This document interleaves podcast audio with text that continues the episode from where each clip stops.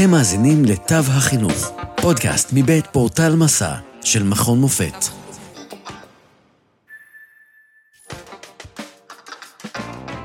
שלום למאזינים ולמאזינות, לצופים ולצופות, ותודה שהצטרפתם אלינו לפרק נוסף של פודקאסט תו חינוך מבית היוצר של מרכז הידע האקדמי במכון מופת. החברה הישראלית סופרת 1,260 נרצחים והרוגים במלחמת חרבות ברזל. זה אומר שהשכול דפק על דלתן של מספר גדול מדי וכואב מדי של משפחות. כדי uh, לנסות לדבר על הנושא הזה, על הנושא הכאוב והרגיש הזה, הגיע להתארח אצלנו דוקטור ריבי פריי לנדאו, ואנחנו רוצים לדבר איתה על ליווי תלמידים שחוו אובדן. דוקטור ריבי פריי לנדאו, מהמכללה האקדמית אחווה, ועמיתת מחזור ה' של, של תוכנית הפוסט-דוקטורט במכון מופת, היא פסיכולוגית שיקומית מומחית ובעלת דוקטורט בפסיכולוגיה מאוניברסיטת בר אילן. היא גם מרצה בכירה וממייסדי התוכנית לתואר שני בפסיכולוגיה שיקומית, במכללה האקדמית אחווה. תחום מחקרה כולל חקר אובדן ושכול בפרספקטיבה רב-תרבותית, וכן חדשנות טכנולוגית בהכשרת צוותי חינוך, בהתייחס להיבטים של למידה חברית, חברתית רגשית. איך את, ריבי, בריבי, ב... בימים האלו? אז אני ככה אגיד שבאמת אה, ימים אה, לא פשוטים, ימים אה, שתופסים את כולנו ככה בבטן הרכה. אנחנו לא, לא חווינו מעולם כאלה היקפים של מצבי אובדן, ובמיוחד שילדים חשופים למצבי אובדן. המלחמה הזאת, מלחמת חרבות ברזל, בעצם מעמידה אותנו מול מצב שיש לנו עשרות ילדים בכיתות שחוו אובדן, וכשאני אומרת חוו אובדן זה לא בהכרח אה, אובדן של הורה, זה יכול להיות אובדן של אח, אובדן של סבא וסבתא, אובדן של חבר קרוב. אה, יש לנו ילדים שפונו לאזורים אחרים, ואז הם בעצם משתלבים בכיתה חדשה עם מורה חדשה. אז בעצם אנחנו נאלצים כולנו, לא משנה באיזה אזור גיאוגרפי אנחנו גרים, להתמודד עם סיטואציות כאלה של ליווי תלמידים שחוו אובדן. אני רוצה לפתוח בשאלה שכדי להכניס את הצופים והצופות לקונטקסט, אני רוצה לש, לש, לפתוח בשאלה שהיא יחסית אה, סטטיסטית או מדברת על אומדן, מהי השכיחות של אובדן אדם קרוב בקרב ילדים אה, עד גיל 18 בישראל? האמת שזו שאלה מאוד רלוונטית בעיניי, אה, ואני אגיד גם למה. כי הרבה מאוד פעמים, אני כבר שנים עוסקת בנושא של חקר אובדן, וילדים שמתמודדים עם אובדן, ולאורך כל השנים, תמיד אמרו לי, אה, זה נושא שולי, כמה כבר ילדים יש שחוו אובדן, כן? אמ, אז אני חושבת שזו שאלה מאוד מאוד רלוונטית. אנחנו יודעים שעוד לפני מלחמת חרבות ברזל, השכיחות של אובדן ושכול בילדות היא גבוהה ממה שאנחנו חושבים. בעולם אנחנו מדברים על ילד אחד מתוך 12 ילדים, הקורונה גרמה לזה שבעצם מיליון וחצי ילדים איבדו דמות מטפלת. עכשיו לצערנו במלחמה אנחנו נוכחים, אה, אנחנו עומדים מול מצב שבו ישנם ילדים שאפילו איבדו מספר בני משפחה. למשל, בסוף אוקטובר היה דיון בוועדת העבודה והרווחה של הכנסת, אה, ודיברו על מספרים אה, מאוד אה, חסרי תקדים, למשל 21 ילדים איבדו שני הורים, 96 ילדים איבדו לפחות הורה אחד. עכשיו אני כבר לא מדברת על ילדים שאיבדו אחים, איבדו חברים, איבדו סבא וסבתא. אז אנחנו מדברים פה על אחוזים מאוד מאוד גדולים, שאי אפשר לא להתייחס אליהם. מהן ההשלכות של אובדן במעגל הקרוב? הורה או אח או אחות? ילד או ילדה שמאבדים אותם לפני גיל 18? אז אה, ככה, אני אגיד שהמחקר אה, מראה בצורה מאוד מאוד אה, חזקה, שיש, שבמידה וזה לא מקבל מענה ומטופל, וחשוב לי להדגיש את זה, כי אם אנחנו נותנים מענה, התמונה יכולה להיות אחרת לגמרי, במידה וזה לא מקבל מענה ולא מטופל, אנחנו רואים השפעות על ההתפתחות, גם מבחינה לימודית, יש סיכויים גבוהים יותר לנשירה, לירידה בתפקוד הלימודי, גם חברתית, אה, גם רגשית, עד כדי כך שאנחנו רואים אחוזים מוגברים בקרב ילדים שחוו שכול בשימוש בחומרים ממכרים, אפילו בעלייה או סיכון מוגבר לאובדנות. כלומר, אנחנו מדברים על קשת של אה, השפעות שאי אפשר בעצם אה, להתעלם מהם, והבעיה היא שהרבה מאוד פעמים הילדים הללו לא מקבלים תמיכה או ליווי כמו שצריך. למה קשה לנו לגשת ולתמוך במישהו שחווה אובדן, או, ואפילו במיוחד אה, לילד? אז יש, יש פה באמת כמה אה, סיבות, ככה חלקן כלליות וחלקן באמת קשורות יותר אה, לנושא של ילדים. קודם כל, אה, באופן כללי כולנו כבני אדם, מפ... בעצם אנחנו נפגשים עם מישהו שחווה אובדן, אנחנו בעצם נפגשים עם המוות. זה משהו שהוא מאוד אה, קשה, כן, אנחנו, הוא מעורר חרדה, כן, אנחנו מבינים שכולנו מתישהו נגיע לשם ואין לנו שליטה על זה. והתגובה האוטומטית אה, שלנו כבני אדם למצב שמעורר בנו איום וחרדה זה, זה להסתובב ולברוח. אז אנחנו לא רוצים לדבר על זה, אנחנו מעדיפים להתעלם מזה. אז, אז זה התגובה האנושית הבסיסית. מעבר לזה יש איזושהי תפיסה אה, על ילדים שהם חסינים, שהם מתמודדים, שהם מסתדרים, שזה עובר ככה, דר, ככה לידם והם בסדר. זה משהו שהרבה פעמים אנחנו גם אומרים לעצמנו כדי להשקיט את, אה, את המצפון שלנו. וגם יש לנו רצון מאוד מאוד גדול לגונן על ילדים. זה נראה לנו מהצד שהילד בסדר והוא מסתדר, אז מה, למה נעמיס עליו, למה נקשה עליו? אה, לפעמים אנחנו גם, אם אנחנו מדברים ככה על ילדים עם צרכים מיוחדים, לפעמים הם לא מגיבים בצורה שנראית לנו שהם מתאבלים, אז אנחנו אומרים, אוקיי, הכל, הכל בסדר. אז יש לנו ככה אה, מגוון אה, סיבות שבגללם בסופו של דבר אנחנו ככה בוחרים אה, אה, להתעלם, ו, ומעבר לזה יש עוד סיבה אחת, שזה באמת החוסר ידע שלנו. אני, אם אני עומדת מול מישהו שחווה אובדן, אני לא יודעת מה להגיד, איך להגיד, אני מפחדת לפגוע.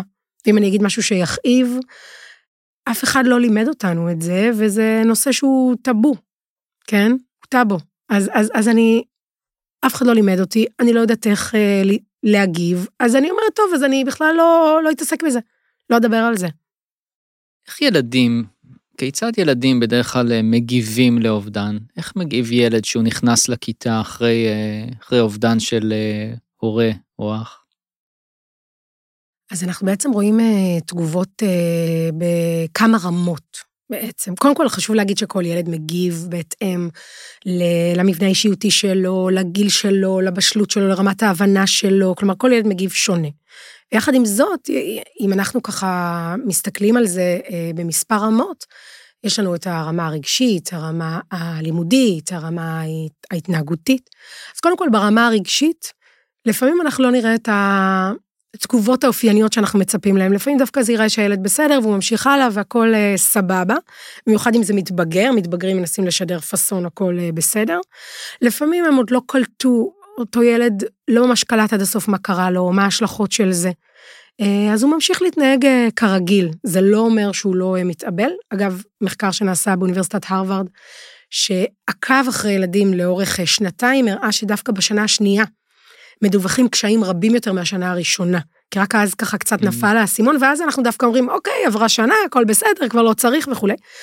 אז רגשית לא תמיד אנחנו נראה על ילדים, אה, לפעמים אנחנו כן נראה תגובות של חרדה מוגברת, של אשמה. ילדים יש להם נטייה להסתכל ככה על העולם בצורה אגוצנטרית וקונקרטית, אולי זה קרה כי אני לא התנהגתי יפה וכולי. אה, בושה הרבה מאוד פעמים, אני לא רוצה להיות שונה, אני רוצה שיתייחסו אליי אה, רגיל.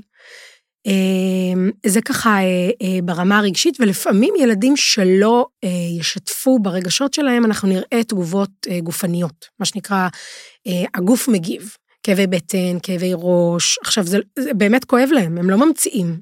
המצוקה מובעת אה, דרך הגוף, אז זה ברמה הרגשית. ברמה הלימודית אנחנו יודעים שילדים מדווחים המון פעמים על קושי בריכוז, על אה, מוסכות מאוד גדולה על רקע רגשי, הרבה פעמים יש איזושהי ירידה במוטיבציה ובתפקוד התלמידאי, מה שנקרא. אה, ו... אה, אני חושבת שהנקודה אולי הכי חשובה זה ברמה ההתנהגותית. אה, הרבה מאוד פעמים ילדים שלא מקבלים מענה רגשי או שיח על ההתמודדות, מעבר לזה שזה יכול לבוא לידי ביטוי דרך הגוף, זה יכול לבוא לידי ביטוי בהתנהגות. אנחנו נראה לפעמים ילדים שפתאום מתפרצים, פתאום מעורבים בקטטות והם לא היו מעורבים קודם, והרבה מאוד פעמים פתאום אומרים, מה קרה פה, משעים אותם מבית ספר, כלומר, ואנחנו לא מבינים שזה איזשהו ביטוי התנהגותי של כעס ורוגז שהצטבר ו- ומחפש ככה לקבל מענה, אה, וחשוב מאוד שנשים לזה ככה אה, לב. דיברנו קצת על אה, נפש הילד, אנחנו רוצים להתקדם קצת ולחשוב על על בית הספר. מה התפקיד אה, של בית הספר, להערכתך, במעטפת או בקבלה של תלמיד שמגיע עכשיו לבית הספר אחרי שחווה אובדן? אז אני חושבת שמקובל לראות בבית הספר סוג של אה, בית שני של הילד. בעצם איזושהי סביבה אה, שנייה שבה הילד מבלה שעות רבות. אה, ובית הספר יכול להיות עוגן של יציבות בתקופה הזו. במיוחד שבתקופה הזו הרבה מאוד פעמים המשפחה עוברת תהליך מאוד מאוד קשה, אם אנחנו מדברים על אובדן הורה, אז ההורה השני מתאבל בעצמו, ובית הספר יכול להיות איזושהי מסגרת תומכת.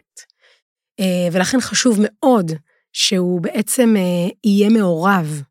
אה, המורה מכירה הרבה מאוד פעמים את הילד גם עוד קודם ויכולה לראות את השינויים בהתנהגות שלו.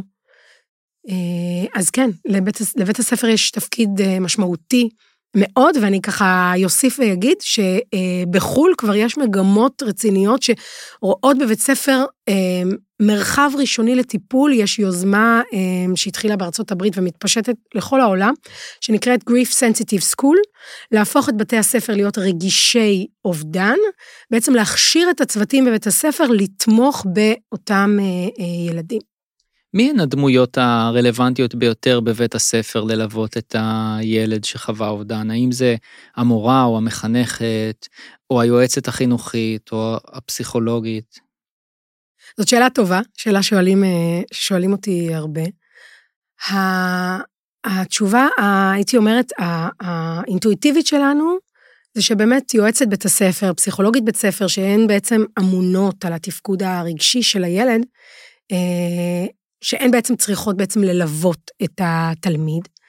וזה באמת נכון שליועצת יש תפקיד מאוד מאוד חשוב. כן, יש לה ידע, יש לה תפקיד, במיוחד בשלבים הראשונים של ההתערבות. אה, ויחד עם זאת, חשוב בעצם לזכור שמי שרואה את הילד ביום-יום זו המורה. היא רואה אותו יום אחרי יום אחרי יום, היא זו שיכולה לראות מה קורה מבחינה חברתית בכיתה עם הילד, מה קורה מבחינה לימודית. Uh, היועצת uh, נמצאת שם לסיוע ולעזרה, אבל היא לא נמצאת ברמה היומיומית. כלומר, uh, התפיסה שלי היא שהטיפול צריך להיות הוליסטי ורב-מערכתי. אי אפשר לבוא ולהגיד, רק היועצת תטפל בילד, כי, כי זה לא ריאלי. אנחנו גם מדברים פה על כל יועצת בכל בית ספר, יש לה כמות עצומה של ילדים שהיא אחראית עליהם, ואנחנו מדברים פה, היא לא יכולה, גם אם היא נורא רוצה, ללוות את כולם. ואני חושבת שזה הכרח שהמורה תקבל גם כן איזושהי הכשרה ללוות אה, תלמידים כאלה. בתפיסה שלי זה צריך להיות איזה מין משהו של שכבות, שבעצם, אה, אומנם בשלב הראשוני היועצת מאוד מאוד מאוד מעורבת, וטוב שכך. ככל שהזמן עובר, המורה בעצם עוטפת את התלמיד, וראוי בעיניי שהיועצת ופסיכולוגית בית ספר יעטפו את המורה אה, במשימה הזאת של אה, אה, הליווי, בעצם שתהיה פה איזושהי עבודה שהיא אה, רב-מערכתית. אני מבין שאת אה, לקחת חלק בעריכת מחקר בנושא של מורות שילד בכיתתן חווה אובדן. אני רוצה לשאול אותך, מה גילית, ואם נסתכל גם על, ה, על הצד של המורות, מה לדעתך אה, המורות צריכות בהתמודדות עם תלמיד שחווה אובדן בכיתה? אז נכון, אני ככה במעבדת מחקר שלי, ככה לאורך תקופה, ביצענו סדרת מחקרים אה, על הנושא הזה. זה התחיל במחקר פיילוט עם 15 אה, מורות, בשיתוף עם פרופסור נעמה צבר בן יהושע וחני מירסקי, ראיינו בתקופת הקורונה מורות ששילבו אה, תלמידים, ואחר כך הרחבנו את זה לעוד 26 מורות. לא בתקופת הקורונה, מורות ששילבו uh, תלמידים, ובעצם באנו ושאלנו אותן, אוקיי, בוא, בואו תספרו עם מה אתן מתמודדות, למה אתן זקוקות, אוקיי? Uh, מתוך מטרה אה, בסופו של דבר להיות מסוגלים, מסוגלות, לבנות הכשרה אה, מיטבית. אה, וגילינו כמה דברים. קודם כל, המורות מתמודדות ב, בשלושה צירים מרכזיים. קודם כל, ברמה האישית מול עצמן. הן מספרות על תחושות של הצפה, של קושי מאוד גדול, כשהן קולטות שיש את האובדן והן צריכות בעצם להתגייס, והן קודם כל צריכות איזשהו ויסות עצמי של עצמן, כן, מורה היא קודם כל בן אדם. אה, ברמה הבאה זה מול התלמיד או התלמידה, איך להתנהל, איך לדבר. אה, הן אומרות, אני, אני לא יודעת בדיוק למה לצפות, איך, אה, זה בסדר איך שהיא מגיבה, זה לא בסדר איך שהיא מגיבה, אני אמורה לעשות ככה, אני אמורה לעשות אחרת. אה, כמה לדרוש, כמה לוותר, כמה להתקרב ולדבר וכמה לא. והמעגל השלישי הוא מול הכיתה. איך לתווך את זה לכיתה, איך לתווך את זה לחברים, שזו גם אה, אה, התמודדות אה, בפני עצמה. אז אם אני ככה מתקצרת, אה, בכל ההתמודדות הזאת, המורות הצביעו על שלושה צרכים מרכזיים. קודם כל, לקבל איזושהי הכרה בהתמודדות שלהן, אה, כדמות אה, מטפלת שצריכה לקבל ליווי ותמיכה. אה, הדבר השני הוא הכשרה. הכשרה גם ברמת ידע, איך ילדים מבינים אובדן, איך צריך להגיב אליהם, וגם ברמה של כלים, איך להגיב. ותמיכה, תמיכה אה, מתמשכת, אוקיי? לא, לא להרגיש לבד אה, ככל שעובר הזמן במערכה הזו. אה, וזה באמת ככה משהו ש, שעולה בצורה הכי ככה בולטת מהמחקרים. האם, לד... האם לדעתך מורים ומורות זקוקים להכשרה בנושא של ליווי תלמידים שחוו אובדן? אני חושבת שזה הכרחי. אבל יחד עם זאת, אני אשמיע את הקול של, כן, לאורך השנים ניסיתי אה, לבוא ולהגיד שאנחנו צריכים להכניס את זה לתוכנית ההכשרה של אה, סטודנטית להוראה, והרבה מאוד פעמים התגובה הייתה, גם את זה המורה צריכה אה, לעשות, גם את זה המורה צריכה mm. ללוות, כלומר, יש איזושהי תפיסה של מה עוד נשים על המורה. כן. מהניסיון שלי ומהמחקר, אנחנו רואים שהמורות מבינות שזה חלק מהעניין, הנושא הרגשי הזה, כן? זה, זה התלמיד.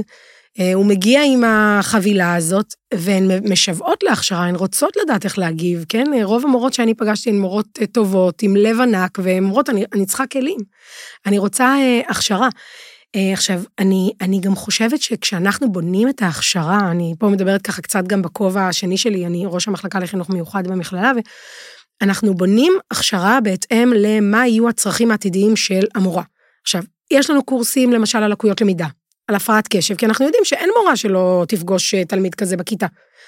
אם אנחנו מסתכלים רגע על השכיחויות ואנחנו מבינים שאין מורה שבמהלך הקריירה לא תפגוש תלמיד ש, שחווה אובדן, אנחנו מבינים שזה must, זה הכרחי להכניס את זה, כי זה משהו שהיא תפגוש בסופו של דבר. אמ, אני חושבת שזה צריך להיכנס. איך לדעתך אבל מערכת החינוך הישראלית יכולה להעניק הכשרה כזו למורים במצב הנוכחי, אני מדבר גם על עומס העבודה, גם על המחסור במורים, ומצד השני, הצורך שעולה עכשיו לצערנו במלחמת חרבות ברזל? אז זאת שאלה טובה, אני חושבת שפה אפשר לגייס את היתרונות של הטכנולוגיה. מאז הקורונה הכנסנו את הטכנולוגיה mm-hmm. בצורה מאוד משמעותית להכשרת מורים, להכשרת סטודנטים. הטכנולוגיה יש בה כמה יתרונות, אני יכולה אה, אה, בעצם בצורה מהירה אה, להכשיר אה, אה, היקף רחב של אה, אה, לומדים. אה, אם אני מייצרת כלי טכנולוגי אפשר ללמוד אותו בזמן ובמקום שנוח. במיוחד היום במלחמה, כל אחד ככה יכול למצוא את הזמן ואת המקום שנוח לו. אה, ללמוד, אפשר, אם אנחנו מפתחים כלים טכנולוגיים, או הייתי אומרת, אה, חומרים שיושבים על פלטפורמות טכנולוגיות, אז אפשר אחר כך לחזור אליהם שוב ושוב כשצריך. אז אה, אני חושבת שלפתח הכשרות שהן יושבות ונעזרות בפלטפורמות טכנולוגיות, זה משהו שיכול לעזור לנו במיוחד בתקופה הזאת, וגם באופן כללי. תראי, מהתחקיר המקדים שאני ערכתי, אני מבין שפיתחת אה, לומדה דיגיטלית להכשרה של צוותי חינוך אה, להתמודדות או לליווי ילדים שחוו אובדן. מה בעצם כוללת הלומדה או המדריך הדיגיטלי הזה?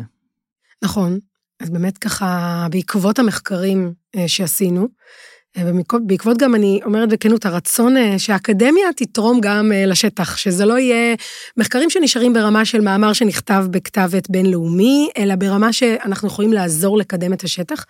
אה, עוד, האמת, לפני המלחמה, התחלתי ככה לפתח את הלומדה, המדריך דיגיטלי הזה, וברגע שהתחילה המלחמה ככה העליתי אלינו הילוך.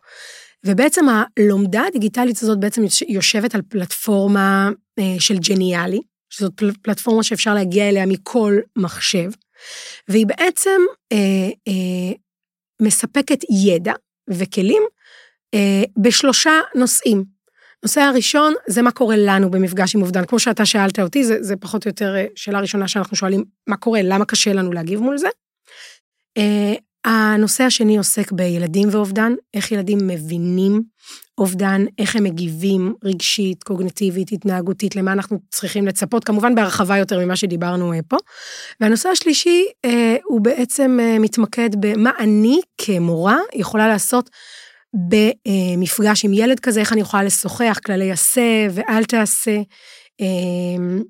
אז בעצם זאת ככה לומדה ארוזה על פלטפורמת ג'ניאל, יש תרגולים, ואני אגיד שהיא בנויה גם מסרטונים קצרים, שלתוך הסרטונים הללו הכנסנו חומרים, יש לי שותפות עם אה, פרופסור אה, מארצות הברית, פרופסור דיוויד שונפלד, הוא עומד בראש מרכז לאומי, זה נקרא national center for school crisis and bereavement, זה מרכז לאומי, אה, הוא בעצם הכשיר צוותי חינוך בכל מיני מצבים של ירי בבתי ספר, אסונות, הוריקנים וכאלה, והוא בנה אה, אה, משאבים, והוא בעצם שיתף אותי במשאבים שלו, בראיונות שהוא עשה, ובעצם הטמענו לתוך הסרטונים גם את המשאבים שלו, אז בעצם זה סרטונים קצרים שמסבירים בצורה ממוקדת על הדברים, ואז ככה אה, מלווים בתרגולים. ואנחנו ממש בימים האלה, בעקבות המלחמה, ככה, אני חושבת שכולנו במלחמה הרגשנו את הצורך הזה להתגייס ולתת ממה שאנחנו יכולים.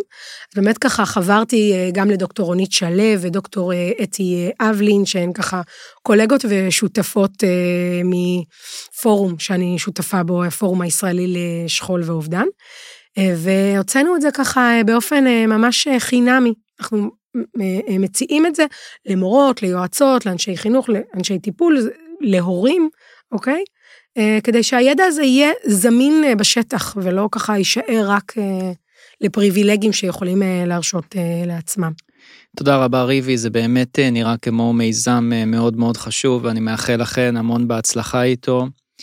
אני רוצה לשאול אותך שאלה שאני יודע שמאוד קשה לענות עליה, ואני יודע שכשאת הולכת, שמזמינים אותך להתראיין, שואלים אותה הרבה, אבל היא, אני מרגיש שהשאלה הזו מגיעה, מגיעה ממקום נכון.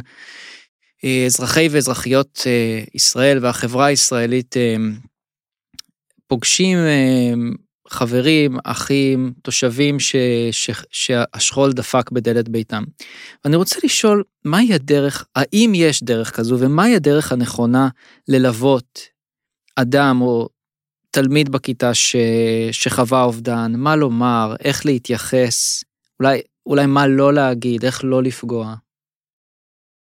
באמת שאלה שנשאלת בכל אה, פורום אפשרי, וזה לגיטימי, אנחנו רוצים כלים, אנחנו רוצים לדעת איך להגיב. בעיניי, בראש ובראשונה צריך לתת מקום אה, ללב ולאינטואיציה. כלומר, אה, אף פעם לא לדקלם משפטים שאנחנו אה, לא מתחברים אליהם. אה, אני חושבת שאנשים, אה, ובמיוחד ילדים, יודעים לזהות. יש להם חושים מחודדים, הם יודעים לזהות אם אנחנו מדברים מהלב, או אם אנחנו רק אה, משחקים אותה או אומרים את המשפט ש... שלימדו אותנו. אז זה הדבר הראשון. אני כן יכולה לתת ככה כמה אה, כללי אצבע או הכוונה, אבל שוב, חשוב תמיד ליישם את זה אה, באופן שמתחבר אה, ואותנטי. אז קודם כל אני אומרת, לא להתעלם. לא לבוא ולהגיד, אוקיי, אני לא יודעת איך להגיב, אז עדיף שאני לא אתייחס בכלל. כי אם אני מתעלמת, אז אני מעבירה מסר מסוים שלא אכפת לי, שאני לא רואה את הכאב שלך או שלך, אמ, שזה לא מספיק חשוב לי או שזה לא לגיטימי לדבר על זה. אז לא להתעלם, להגיד, להגיד משהו, כן, שמעתי על, אני אה, כל כך אה, אה, מצטערת, אה, חשוב לי שתדע ש... כן, ממש להתייחס. כן חשוב לי פה גם להגיד שצריך אה, לתת אה, מקום ומרחב לסירוב לדבר על זה. יש אנשים שמרגישים מוצפים, באובר אה, ככה עיטוף, וגם צריך לתת אפשרות להגיד, אוקיי, אני לא רוצה לדבר על זה, וזה בסדר, ולקבל את זה. עכשיו, כמה הדברים שכן אה, אה, חשוב לי לומר בהקשר הזה. קודם כל, לשאול יותר ולומר פחות. אוקיי, לא להגיד, כן, אני יודע איך אתה מרגיש, כי גם אני איבדתי, אני יודעת בדיוק מה עובר עליך, כי לשאול, איך זה בשבילך, איך את, לשאול שאלות פתוחות, להתעניין, אה, להציע עזרה אקטיבית, הרבה פעמים אנחנו אומרים משהו כמו, טוב, אם, אם תצטרכי, תתקשרי, כן? אנשים בדרך כלל לא באמת מרימים טלפון ומתקשרים כשהם צריכים, אז באמת אפשר להציע אפילו עזרה אקטיבית. אם אנחנו מדברים בקונטקסט של בית ספר, זה יכול להיות איך אני יכולה אה, לעזור לך, מה קורה מבחינת המטלות שאתה צריך להגיש, איך אני יכולה לעזור לך להסתדר עם הדבר הזה. אולי להפחית אה, מטלות, לאפשר דחייה, כלומר, ברמה הכי קונקרטית, איך אני יכולה אה, לעזור. אוקיי? ולהציע את העזרה הקונקרטית הזאת, ולא אם תצטרכי אז תדברי איתי. חשוב מאוד לתת לגיטימציה להרבה מאוד רגשות שעולים. מותר לכעוס, מותר לכאוב, מותר שיהיו כל מיני שאלות, פה אני אומרת ככה בכוכבית כ, כדתייה, הרבה פעמים עולות שאלות באמונה, כן? האמת, לא רק. אה, גם אה, לציבור אה, הכל, הכללי יכולות לעלות שאלות, איך זה יכול להיות שיש עולם כזה לא הוגן, עולם כזה רע, מה זה אומר על אנשים, שאלות על מהות, שאלות פילוסופיות, צריך לתת להם מקום וזה לגיטימי. דבר נוסף, אה, שחשוב מאוד לומר, לא, לא לכפות אה, כל מיני תפקידים, יש לנו לפעמים נטייה להגיד, אה, אתה עכשיו הגבר בבית, אתה עכשיו תעזור לאימא, לתת לילד תפקיד כדי לגרום לו להרגיש ככה מסוגל, אבל בעצם זה נורא נורא מלחיץ. אמ, חשוב מאוד גם לא להשוות או לדרג, או להגיד, כן, גם אני איבדתי את סבתא שלי, או גם אני... כי זה שונה, שונה אובדן של הורה, אובדן של סבא וסבתא, אובדן של, לא יודעת, חיית מחמד, זה שונה, אין לנו פה מה להשוות. ועוד דבר שאני חושבת שחשוב מאוד להבין, זה שנורא חשוב להישאר שם לאורך זמן. יש לנו איזושהי נטייה להגיד לפעמים, אבל עבר הרבה זמן, לא? כן, כאילו מין, רגע, מה קורה? אתה, אתה, את עדיין מתאבלת, אתה עדיין מתאבל? צריך להבין שלאבל אין תאריך uh, תפוגה, וצריך להיות שם uh, לאורך זמן, uh, וללוות לאורך זמן. ודבר אחרון שמאוד מאוד חשוב לי להגיד, זה לא לפחד לתת מקום ולשוחח על מי שנפטר. לפעמים אנחנו אומרים, אוי, לא, לא נזכיר לו, זה יכאיב לו. אז קודם כל, אמ, אנשים נושאים איתם בלב את האדם שנפטר, זה לא שאני מזכירה להם, אוקיי? אה, ומהמחקרים שאני עשיתי ומהידע הקליני שלי, אנשים שאיבדו מישהו, בדרך כלל רוצים לשמור את הזיכרון שלו. שאנשים יזכרו אותו, מי הוא היה, מה היו התכונות המיוחדות שלו, מה הוא אהב או לא אהב. אה, הם רוצים הזדמנות לדבר. אה, על הנפטר. אז לא לפחד לשאול מי הוא היה, אם אתם רוצים, את רוצה אולי לספר לי עליו, לפעמים אנחנו יכולים בעצמנו לספר סיפור שאנחנו זוכרים מאותו אדם אה, שנפטר. אנשים מאוד מאוד מעריכים את זה, ילדים מאוד מאוד מעריכים את זה שאנחנו נותנים להם לדבר על, ויחד עם זאת, גם ברגישות, כן? יכול להיות שיהיה מישהו שיגיד, עכשיו לא מתאים לי, וזה בסדר גמור. דבר אחרון שאני אגיד, זה שצריך לשים אה, דגש מאוד מאוד גדול אצל ילדים גם על ההיבט החברתי. אה, לשים לב מה קורה אה, מבחינה חברתית. אני יכולה להגיד שזה מאוד מאוד עוזר שאנחנו מנסים לעזור לילד להתחבר למעגלים חברתיים נוספים, למשל עמותת חמניות. אני מכירה את הדר קס, המנכ"לית שלה, עושה עבודה, עבודה מדהימה עם ילדים, היא מייצרת בעצם קבוצות תמיכה לילדים שחוו אובדן, אין לשער, אין, אין לתאר את התרומה שזה נותן לילד שהוא אומר, אוקיי, פה אני מרגיש אה, בכל זאת שמבינים אותי, שווה בין שווים, אז, אז גם לחבר את הילד לעמותות אה, בלתי פורמליות שיכולות לתת לו את המענה, אה, אה, בעצם מה שאני אומרת זה לא רק לדבר, גם לפעמים לעשות ולהכווין למקומות שיוכלו לתת את התמיכה. אז באמת קודם כל, תודה רבה על התשובה שלך, היא הייתה מאוד, אלו דברים שאני באופן אישי אוכל לזכור אותם. אז באמת אנחנו יודעים שילדים עד גיל 18, הסביבה החברתית שלהם מאוד מאוד חשובה. אמרת שלפעמים אה, ילדים שחוו אובדן חשים בדידות, ואני רוצה לשאול קצת, לדבר קצת על הרמה החברתית.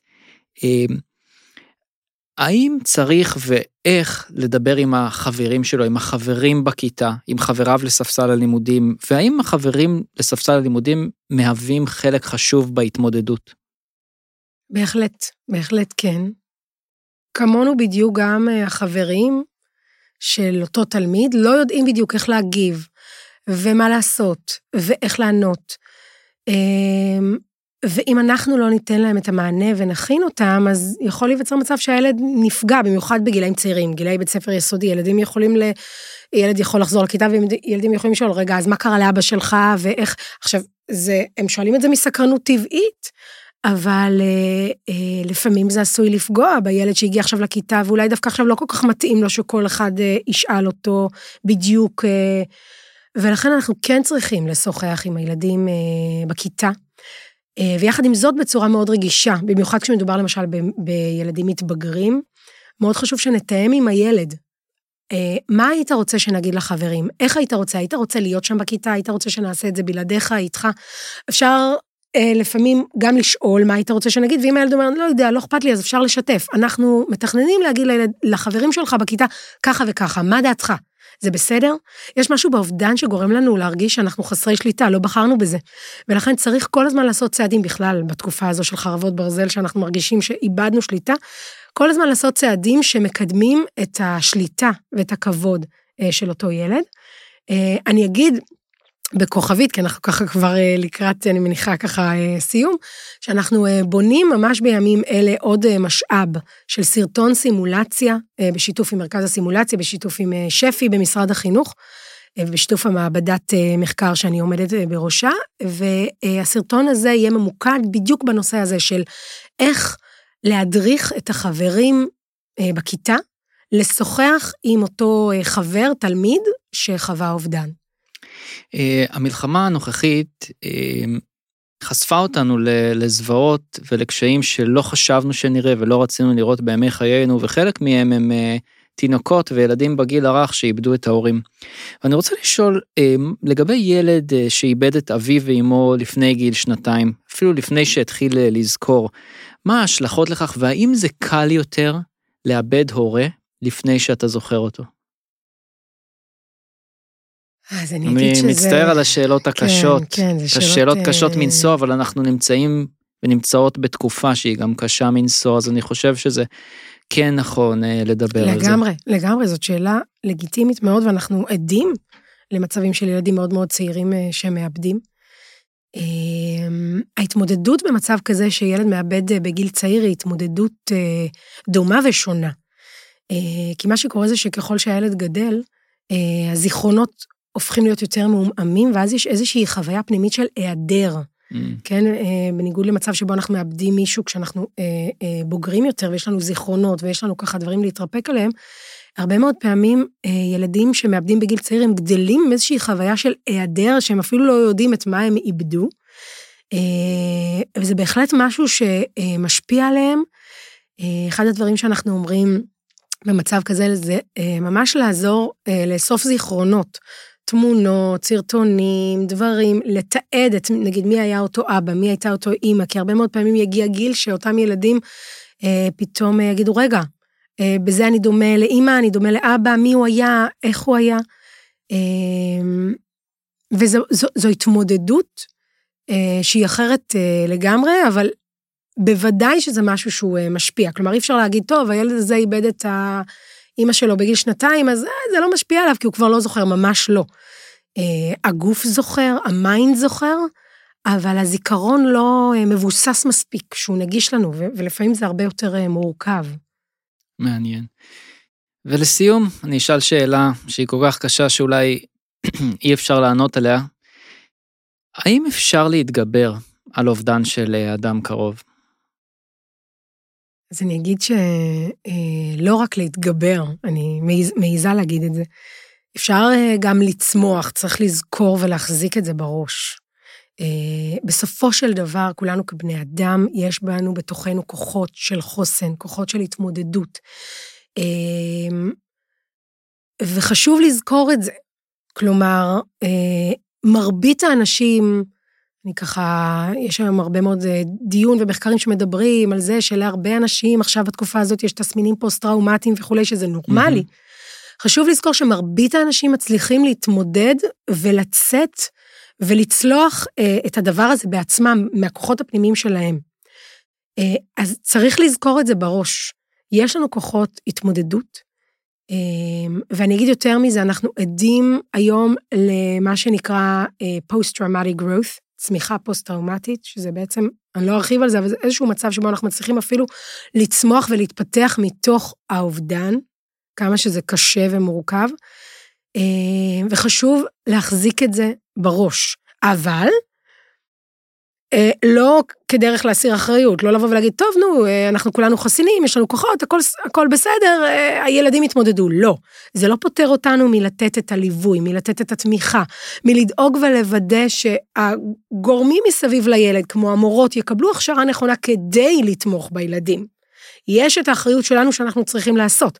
ויחד עם זאת, צריך לזכור את התקווה ואת היכולת בעצם בסופו של דבר, היכולת האנושית להתמודד אה, עם אה, המצבים הללו ואפילו אה, לגדול מתוכם.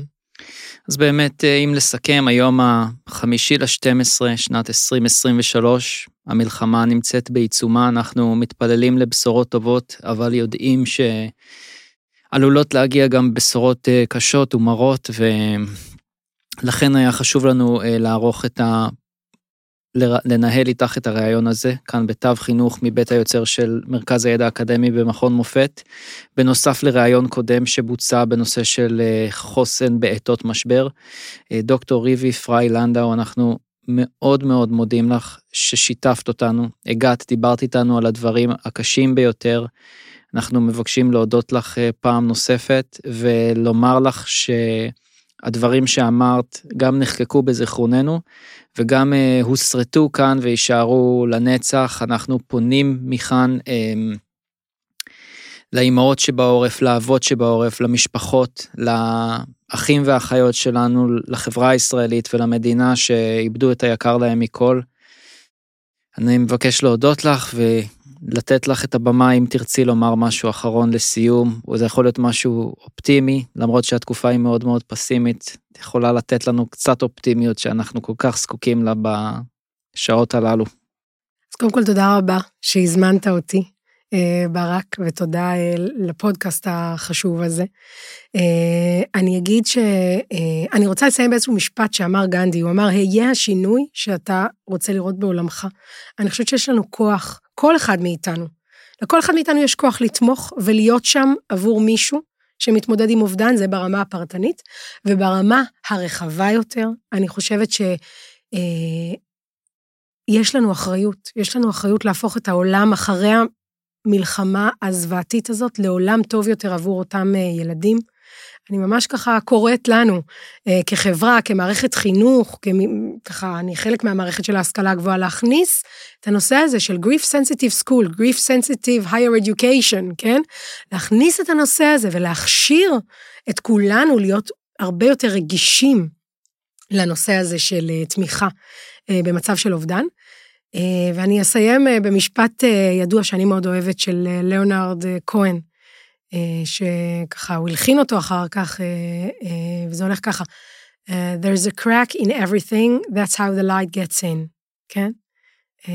הרבה מאוד פעמים מהשבר, מהקושי, ככה, משם ככה מתחיל איזושהי צמיחה. אנחנו באמת נמצאים לקראת חג החנוכה, שבו האור גובר על החושך, וכך אנחנו שולחים תפילה ונדליק את החנוכיות שלנו ונראה שהעם היהודי, שעם ישראל חי והעם היהודי כאן, למרות כל מה שניסו לעשות לנו. ואני מבקש להודות לך שוב, ואנחנו נתראה לך. בפרק הבא, בהקלטה הבאה. תודה רבה. לעוד מידע, היכנסו לאתר portal.macam.ac.il p-o-r-t-a-l